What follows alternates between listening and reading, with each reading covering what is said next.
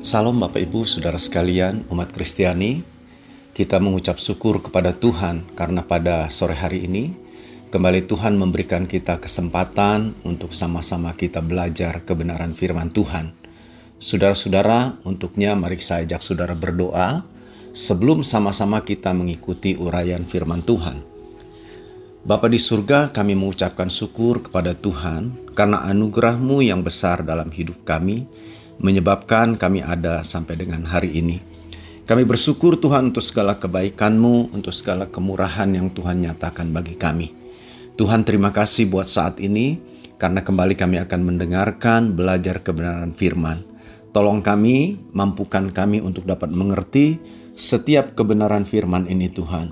Dan kami juga boleh punya kekuatan untuk kami hidup di dalam kebenaran firman. Sehingga apa yang kau nyatakan kepada kami, itu benar-benar menjadi sesuatu yang membangun hidup kami untuk hormat kemuliaan nama Tuhan. Terima kasih Bapa, terpujilah nama Tuhan di dalam nama Yesus. Haleluya, haleluya. Amin, amin. Bapak Ibu Saudara sekalian dikasih oleh Tuhan Yesus, pada sore hari ini saya ingin berbicara tentang iman. Saudara-saudara, yang saya maksud dengan iman tentu bukan iman dalam arti iman yang menyelamatkan. Kenapa, saudara? Karena saya percaya saudara yang mendengarkan siaran pada hari ini, mungkin sebagian besar memang adalah orang-orang yang sudah beriman kepada Kristus. Itu sebabnya karena saudara beriman, percaya kepada Yesus, maka pasti saudara sudah diselamatkan. Ya. Namun demikian, andai kata ada di antara saudara yang mungkin saudara bilang kebetulan saudara sedang di jalan, sedang di mobil, lalu saudara menangkap siaran ini dan saudara dengarkan, ini ada satu kesempatan yang baik dan saya percaya ini adalah anugerah kemurahan Tuhan buat saudara. Kalau saudaramu percaya kepada Yesus, maka di dalam Tuhan Yesus itu ada kepastian keselamatan. Jadi bukan lagi semoga, bukan lagi mudah-mudahan, tetapi pasti Sebab Alkitab bilang kalau kita percaya kepada dia, maka kita akan menerima hidup yang kekal. Karena hanya Yesuslah juru selamat satu-satunya. Jadi kalau ada di antara saudara yang selama ini barangkali sedang bingung dan saat ini kebetulan saudara katakan menangkap siaran ini, saudara saya mau katakan inilah bukti kasih Allah kepada saudara. Tuhan mau supaya saudara diselamatkan. Itu sebabnya buka hatimu, percaya dan terimalah Yesus sebagai Tuhan dan Juru Selamatmu. Nah, saudara-saudara, hari ini saya akan lebih fokus untuk berbicara tentang iman di dalam kehidupan kita hari-hari. Artinya begini, saudara. Saya orang yang beriman, percaya kepada Tuhan Yesus. Saya sudah diselamatkan. Tetapi saudara-saudara, tentu sebagai orang yang beriman, sebagai orang yang sudah diselamatkan, saya harus bisa menunjukkan hidup sebagai orang-orang yang percaya. Jadi jangan saya bilang, oh saya percaya Tuhan Yesus, saya beriman, saya sudah diselamatkan. Tapi kehidupan saya tidak sesuai. Tidak sesuai dengan kehidupan yang seharusnya ditunjukkan, yang seharusnya ada di dalam kehidupan orang-orang yang beriman. Nah, itu sebabnya saya akan coba aja saudara untuk belajar. Belajar kebenaran firman dan kita akan coba lihat bagaimana sebetulnya kehidupan orang-orang yang beriman itu seperti apa dalam hubungannya dengan Tuhan, dalam hubungannya dengan sesama, dalam tindakan-tindakan perbuatan-perbuatannya itu itu harus nampak Saudara. Sebab Saudara jelaskan Alkitab bilang dalam kitab Yakobus dibilang bahwa iman itu kalau tampak disertai dengan perbuatan, dibilang pada hakikatnya iman itu adalah mati. Jadi saudara-saudara, kita bisa berkata, "Oh, saya beriman."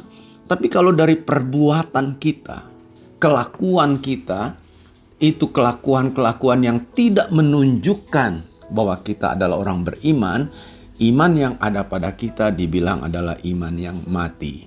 Nah, itu sebabnya saya akan mengajak saudara untuk kita belajar dari tokoh-tokoh iman, dari saksi-saksi iman, bagaimana mereka hidup sebagai orang yang beriman. Untuk itu, saya ajak saudara baca kitab Ibrani pasal 11. Nah, saudara, Saya yakin saudara tahu semua Ibrani 11 di dalamnya kita melihat ada daftar tokoh-tokoh yang disebut sebagai saksi-saksi iman.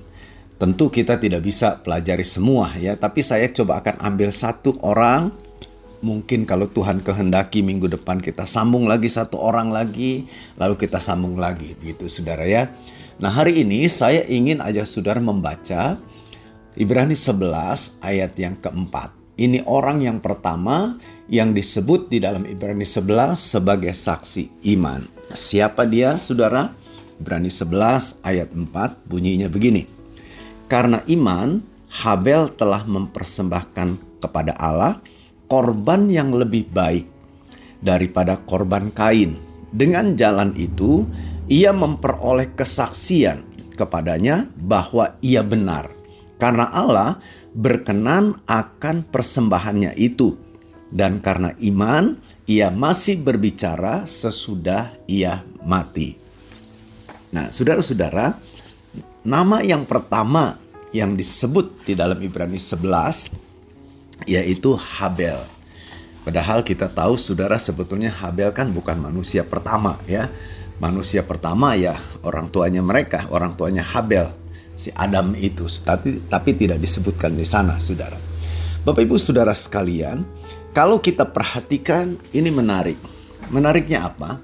Ibrani pasal 11 mengatakan bahwa nama-nama yang dituliskan ini memang ada juga yang tidak dituliskan. Mereka ini dibilang adalah saksi-saksi iman. Saudara, apa sih yang dimaksud dengan saksi? Kalau kita bicara tentang saksi, secara sederhana dapat saya katakan, Saksi itu orang yang mengerti, yang mengalami, yang mengetahui. Jadi saudara-saudara bukan cuma sekedar katanya. Oh katanya begini, begini, begini. Itu bukan saksi sudah. Tapi saksi itu seseorang yang memang melihat peristiwa itu. Saksi bahkan adalah orang yang mengalami peristiwa itu. Dia tahu persis itu semua karena dia juga mengalami. Nah saudara-saudara, jadi kalau dibilang Habel ini sebagai saksi iman, apa yang dituliskan oleh Alkitab tentang dia ini merupakan sebuah hal yang nyata. Jadi bukan sebuah hal yang merupakan buah pikiran saja, tapi sesuatu yang memang nyata, yang dikerjakan, yang dilakukan oleh Habel dan di dalamnya kita lihat ada Allah yang berkenan. Nah, itu sebabnya saya ingin ajak saudara kita jadikan Habel hari ini sebagai satu contoh teladan bagi kita apa yang harus ada dalam hidup kita sebagai orang-orang yang beriman. Nah, saudara, mari kita perhatikan ya. Saudara-saudara, ada beberapa hal yang kita lihat. Yang pertama, ayat tadi berkata saudara Habel itu mempersembahkan kepada Allah sebuah korban. Ya. Saudara-saudara, hal ini sangat menarik. Ya. Sebab saudara sebelum peristiwa ini rasanya tidak pernah ada ya. Setahu saya tidak ada dicatat dalam Alkitab, saudara, ada orang yang mempersembahkan korban. Ya.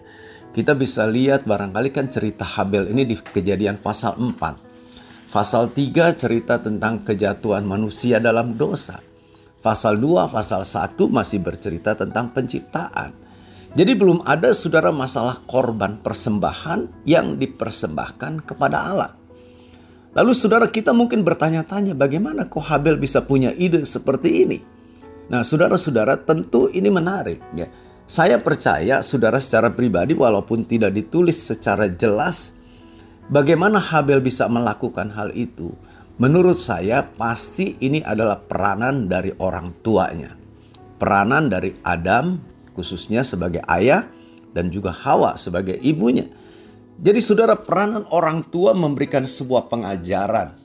Mereka tadinya hidup dalam kekudusan, lalu sekarang mereka jatuh di dalam dosa. Dan Adam mengajarkan kepada anak-anaknya bagaimana mereka untuk bisa datang mendekat kepada Allah. Jadi kita lihat di sini pentingnya peranan orang tua, saudara, di dalam memperhatikan mengajar anak-anaknya di dalam kebenaran. Jadi saya katakan, saya yakin apa yang dilakukan oleh Habel, yang dilakukan juga oleh Kain dalam arti mempersembahkan persembahan kepada Allah, karena ada pengajaran yang diajarkan oleh orang tua mereka. Saudara ingat ini baik-baik. Saudara kalau kebetulan saudara statusnya sebagai orang tua, posisi saudara sekarang sebagai orang tua, ini sesuatu yang sangat penting. yang tidak boleh kita abaikan. Seringkali ada banyak orang tua berpikir salah, bersikap salah. Mereka menyerahkan anak-anak mereka di sekolah. Mereka menyerahkan anak-anak mereka di sekolah minggu. Saudara itu memang sebetulnya kalau mau dibilang salah betul tidak salah sekali. Tetapi saudara, kalau kita kembali kepada apa yang Alkitab katakan, tanggung jawab pendidikan anak, tanggung jawab pengajaran terhadap anak itu bukan ada di sekolah. Itu bukan ada di sekolah minggu pada guru-guru sekolah minggu. Mereka adalah orang-orang yang membantu saudara. Memberikan pelajaran, pengajaran-pengajaran. Tapi pengajar yang utama itu adalah orang tua ayah dan ibu. Saudara-saudara, ini perlu kita mengerti dan kita eh, renungkan, kita lakukan. Sebab saya bilang tadi ada banyak orang tua, saudara, mengabaikan akan hal ini. Yang lebih parah lagi, saudara orang tua ada yang salah berpikir. Ah, biar saja mereka kan masih kecil. Nanti kalau sudah besar juga mereka bisa menentukan pilihannya sendiri. Percuma kita ajar sekarang juga nanti setelah besar juga belum tentu mereka ingat apa yang kita ajarkan. Ada orang tua yang berpikir begitu.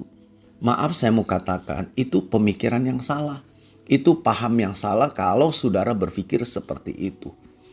Saudara kita sebagai orang tua penting dan harus saya bilang mengajarkan kepada anak-anak kita.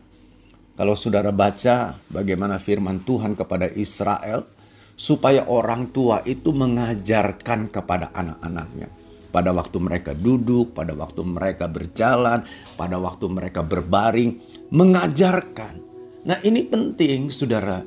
Banyak kali orang tua akhirnya menyesal, banyak kali orang tua merasa terlambat, saudara, karena anak-anaknya sudah terlanjur rusak. Mereka sudah bingung. Itu sebabnya, mari Biarlah sebagai orang tua kita sadar, kita mengerti ada tanggung jawab kita untuk mendidik anak-anak kita di dalam takut akan Tuhan, untuk mendidik anak-anak kita di dalam ajaran Tuhan. Saudara, Efesus pasal yang ke-6 ayat yang keempat, Rasul Paulus dia bilang begini, "Hai kamu bapak-bapak, janganlah bangkitkan amarah di dalam hati anak-anakmu. Tidak titik ya. Tetapi dibilang, didiklah mereka di dalam ajaran dan nasihat Tuhan. Ini ayat menurut saya sangat bagus, saudara. Karena Paulus bilang jangan bangkitkan amarah, tetapi didiklah mereka. Saudara membangkitkan amarah dikaitkan oleh dalam oleh Paulus dalam ayat ini dengan masalah mendidik. Saudara, apa maksudnya ini? Saya memahami begini. Ada banyak anak-anak mereka muncul kepahitan, kemarahan, kebencian terhadap orang tuanya atau mungkin terhadap hidupnya. Itu karena orang tua tidak mendidik. Atau saudara orang tua memberikan sebuah teladan yang buruk. Ini banyak kali sekali terjadi saudara Nah, saudara-saudara, itu sebabnya Paulus bilang, "Jangan sampai kamu menimbulkan kesan yang buruk terhadap anak-anak." Nah, itu sebabnya dipakailah kata mendidik. Mendidik, saudara, menurut saya bukan hanya sekedar memberikan informasi sesuatu. Jadi, bukan hanya mentransfer ilmu, pengetahuan, bukan, saudara.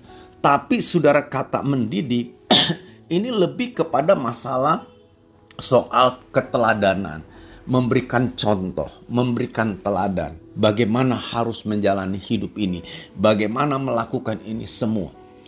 Jadi saudara-saudara ada unsur di dalamnya keteladanan. Ada unsur di dalamnya bagaimana kita melatih anak-anak itu. Mungkin kita lihat dia gagal. Bukan berarti selesai, tidak. Tapi kita ajak lagi untuk dia bangkit, untuk dia bangkit lagi. Nah jadi saudara-saudara, peranan saudara dan saya sebagai orang tua adalah suatu peranan yang sangat-sangat penting. Kembali kepada masalah Habel, jadi saudara-saudara, saya meyakini apa yang dilakukan oleh Habel karena dia mendapatkan informasi pengajaran dari orang tuanya. Nah, saudara, Lalu yang berikut kita lihat dikatakan Habel itu mempersembahkan kepada Allah korban persembahan. Jadi saudara-saudara, Habel mempersembahkan korban kepada Allah. Ini kalimat yang sangat bagus menurut saya. Jadi persembahan yang dipersembahkan itu arahnya tujuannya itu jelas, yaitu kepada Allah. Nah, Bapak Ibu Saudara sekalian, saya kira kalau kita bicara tentang persembahan, tentu bagi kita sebagai orang-orang Kristen yang suka ke gereja, suka ibadah, persembahan bukanlah sesuatu yang asing.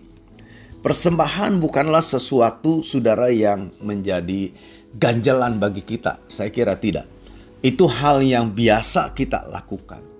Tetapi saudara dari ayat ini, dari apa yang dilakukan oleh Habel kita mendapatkan sebuah pemahaman.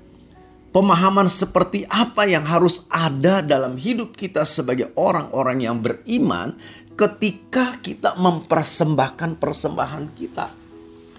Ini saudara hal yang sangat mendasar, sebetulnya hal yang sederhana. yang artinya saya yakin saudara pasti tahu ya. Saudara-saudara, Ayat ini mengatakan Habel itu mempersembahkan kepada Allah. Nah, kalau saya tanya sama saudara, ketika saudara kasih persembahan, entahkah itu di gereja, lewat uh, kantong persembahan, lewat kotak persembahan, atau mungkin ditransfer gitu, saudara. Saudara-saudara, kira-kira saudara memberi kepada siapa? Kepada siapa kita persembahkan persembahan itu? Saudara-saudara ini kedengarannya hal yang biasa. Tapi ini sangat mendasar saudara menentukan apakah persembahan kita itu berkenan atau tidak. Persembahan kita ini layak atau tidak. Nah jadi saudara-saudara perlu pengerti ini. Habel sebagai orang beriman dia sadar ketika dia mempersembahkan korbannya itu dipersembahkannya kepada Allah. Jadi saudara, sebagai orang beriman, harusnya ketika kita mempersembahkan persembahan kita itu, kita berikan itu kepada Allah. Ya, sekali lagi saya mau katakan, kita mempersembahkan persembahan kita itu kepada Allah. Apa pun sebutan persembahan itu, Mau disebut persembahan ucapan syukur, persembahan persepuluhan, persembahan bulanan, persembahan misi, persembahan yang mungkin kita masukkan di kantong persembahan, apa pun katakanlah sebutannya. Saudara dan saya harus benar-benar menyadari sebagai orang-orang yang beriman, persembahan itu kita persembahkan kepada Allah. Bukan kepada gereja, bukan kepada pendeta, bukan kepada manusia. Saudara, kadangkala memang ada orang-orang yang merasa bingung gitu kan. Mereka bilang, ya Pak kan saya masukannya di gereja. Juga itu berarti kan dipakai oleh gereja. Benar saudara. Kita memberi persembahan ke gereja, dipergunakan oleh gereja untuk membiayai segala sesuatunya gitu. Tapi saudara-saudara, dasar yang harus ada pada hati kita, semua yang kita persembahkan itu kepada Tuhan. Nah, saudara-saudara, kalau ini yang mendasarinya, saudara, kita tidak akan pernah dengar ada orang-orang yang merasa tersinggung karena persembahan, dia kasih persembahan, namanya tidak disebutkan, umpama begitu. Kita tidak akan pernah mendengar ada orang-orang yang protes marah gitu saudara. Karena dirinya kurang dihargai padahal katanya mereka adalah sebagai sponsor utama, penunjang utama seluruh biaya operasional gereja. Kan ada yang begitu saudara. Saya pernah dengar dari rekan hamba Tuhan, ada seorang yang memberikan persembahan dengan nilai yang cukup besar. Lalu berjalanlah waktu satu saat ketika dia melakukan sesuatu yang tidak layak, tidak pantas, ditegurlah oleh hamba Tuhan ini dan dia marah. Dia bilang itu pendeta nggak tahu diri, padahal dulu saya kasih persembahan begitu besar. Kalau nggak saya kasih persembahan itu mungkin gereja ini belum lunas katanya. Apa tanahnya, bangunannya. Bapak ibu saudara sekalian, kalau kita mempersembahkannya kepada Tuhan, kita tidak akan pernah dengar tuh saudara ada suara-suara yang seperti itu. Jadi marilah saudara saya mau biarlah kita menyadari ini. Kadang-kadang kan saudara ketika kita memberikan persembahan, kita ingin agar semua orang tahu persembahan kita cukup besar. Semua orang kadangkala saudara kita ingin semua orang mengerti saya ini loh sebagai pendukung keuangan gereja yang utama. Saudara-saudara, kalau andai kata semuanya itu kita persembahkan kepada Allah, tentu tidak akan ada pikiran, perasaan, tujuan-tujuan yang seperti itu. Kita berikan itu kepada Allah dan itu sepenuhnya kepunyaan Allah. Terserah Tuhan mau atur seperti apa. Nah, Bapak Ibu Saudara sekalian, yang menarik lagi dari apa yang dilakukan oleh Habel sebagai orang yang beriman, dibilang dia mempersembahkan korban itu bukan hanya kepada Allah, tapi dibilang di sana korban yang lebih baik gitu, dibandingkan korbannya Kain. Ini menarik kalimat ini, saudara. Korban yang lebih baik.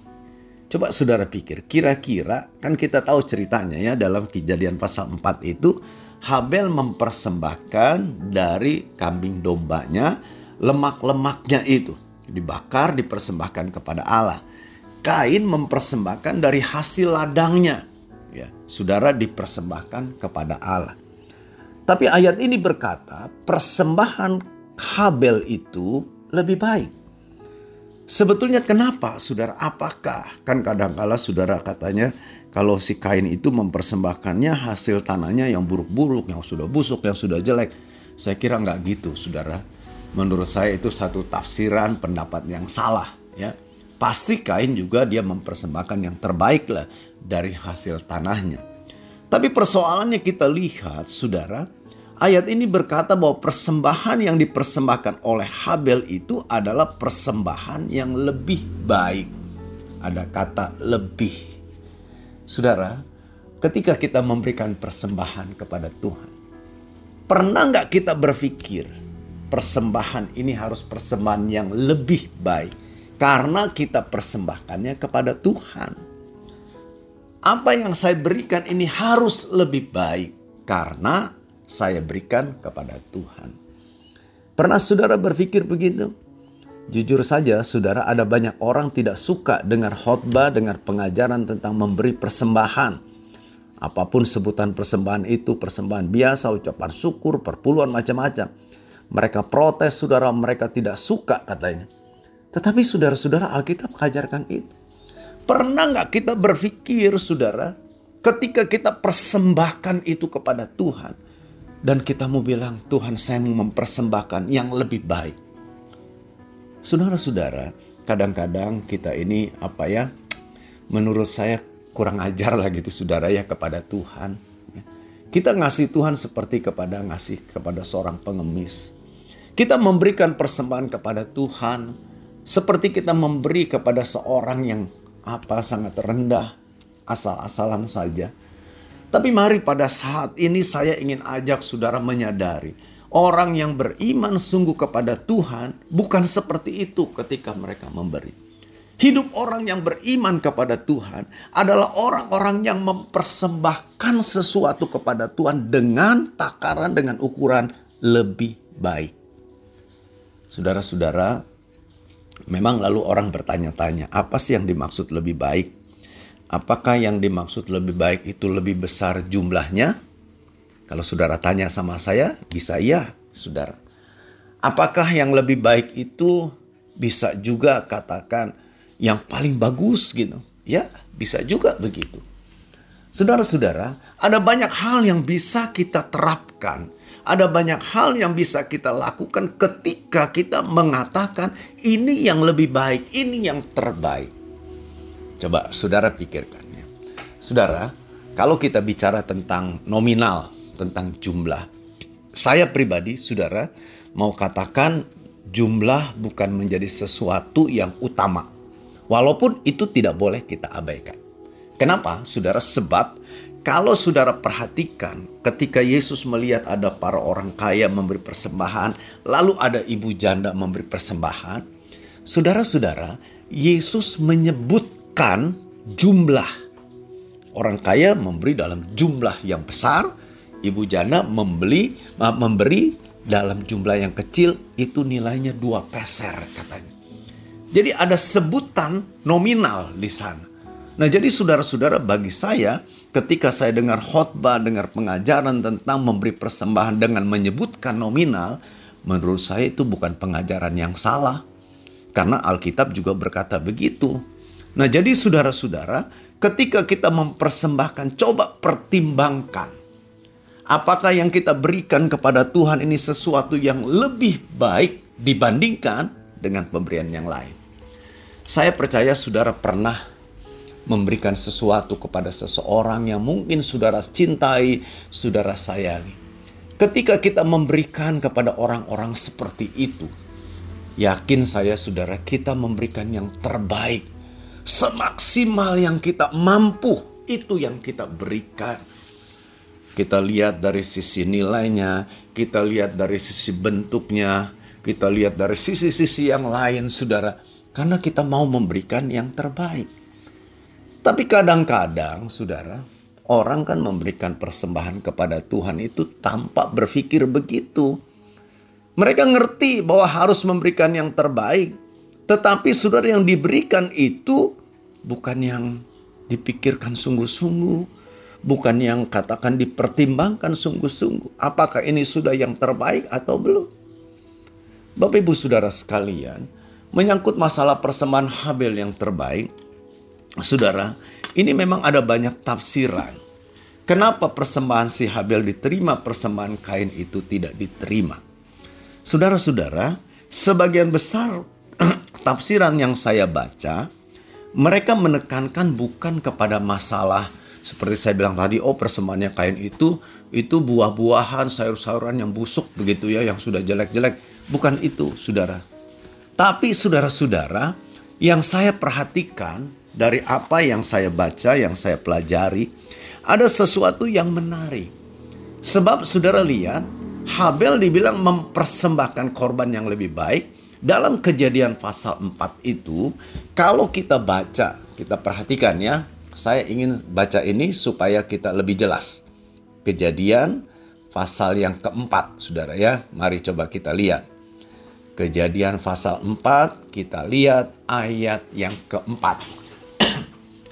Jadi kejadian 4 ayat 4 bunyinya begini. Habel juga mempersembahkan korban persembahan dari anak sulung kambing dombanya yakni lemak-lemaknya maka Tuhan mengindahkan Habel dan korbannya. Saudara perhatikan ayat ini. Habel juga mempersembahkan korban persembahan dari anak sulung kambing dombanya. Yakni lemak-lemak anaknya dia. Maka Tuhan mengindahkan Habel dan korbannya.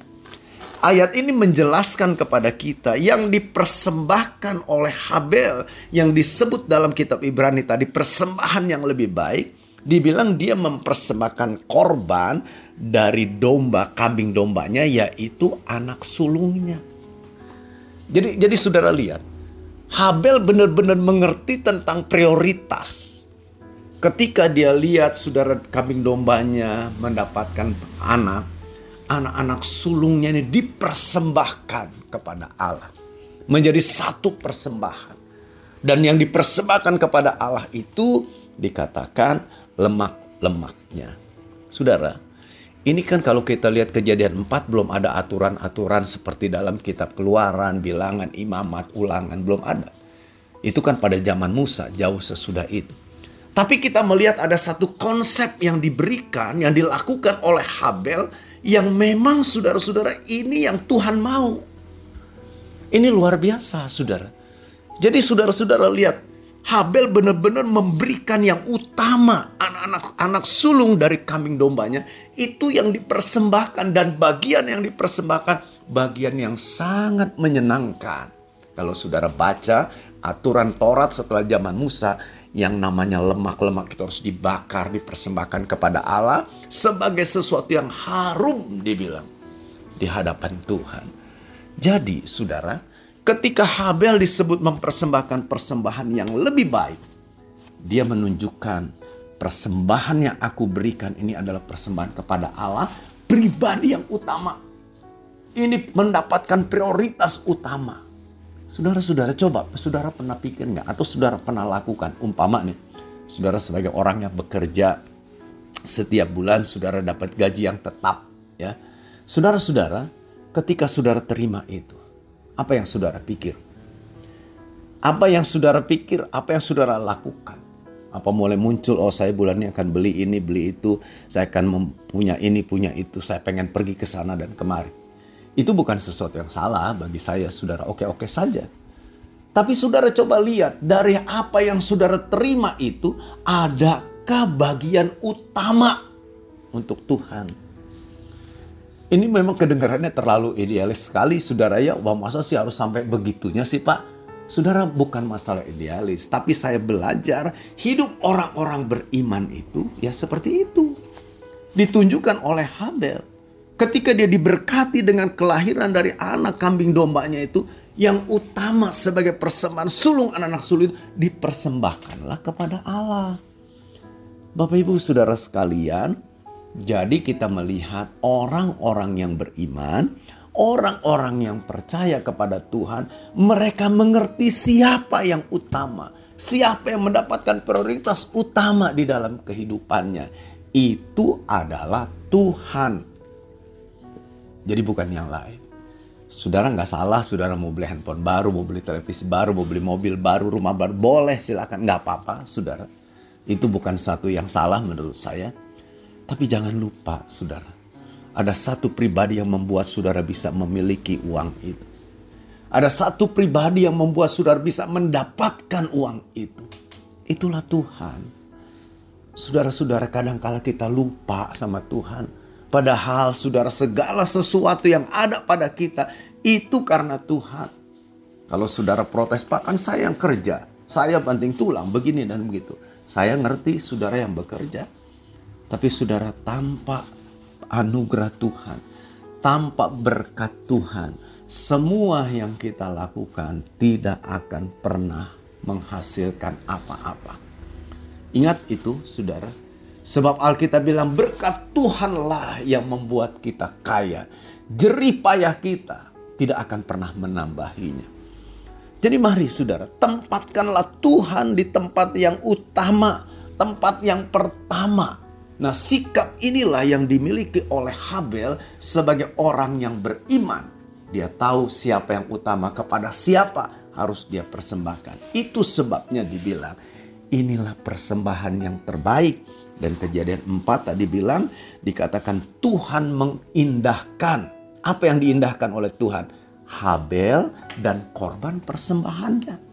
Jadi pribadi si Habel itu diindahkan oleh Tuhan berkenan Tuhan akan dia dan juga apa yang dipersembahkan itu berkenan. Jadi saudara lihat bukan hanya persembahannya saja, pribadinya juga. Dua-duanya ini berjalan seiringan. Saudara-saudara, ada orang mungkin bisa memberikan persembahan nilainya banyak gitu, saudara besar nilainya. Wah yang terbaik lah gitu. Tapi pribadinya nggak benar. Bukan begitu kan? Ada orang yang kelihatan mungkin pribadinya benar, tapi persembahannya nggak benar nggak jujur di hadapan Tuhan. Saudara-saudara percuma juga kan yang seperti itu. Tapi menarik ayat ini bilang Tuhan mengindahkan Habel dan korbannya itu.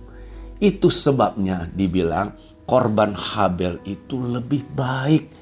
Karena korban itu dipersembahkan dari pribadi yang berkenan di hati Allah, pribadi yang memprioritaskan Allah, pribadi yang mengutamakan Allah. Dan dipersembahkanlah persembahan juga yang berkenan di hadapan Tuhan, persembahan yang menyenangkan Tuhan, yang terbaik bagi Tuhan.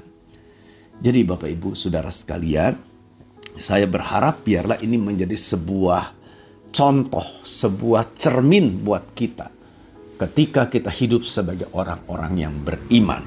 Nah, saudara-saudara, jadi mari perhatikanlah ini baik-baik. Saya sebetulnya ingin menambahkan satu lagi, tapi rasanya waktu kita masih agak kurang, saudara ya. Saya berharap minggu depan saya akan bisa melanjutkan menjelaskan tentang akan hal ini. Ya jadi sekali lagi, mari saudara, sebagai orang-orang yang beriman, biarlah kita mau tunjukkan iman kita, saudara. Kita mau tunjukkan iman kita lewat sikap kita, perbuatan-perbuatan kita, biarlah itu nyata. Dengan demikian, orang akan memuliakan Tuhan, orang akan melihat ada sesuatu yang luar biasa dalam hidup kita karena kita percaya dan beriman kepada Tuhan.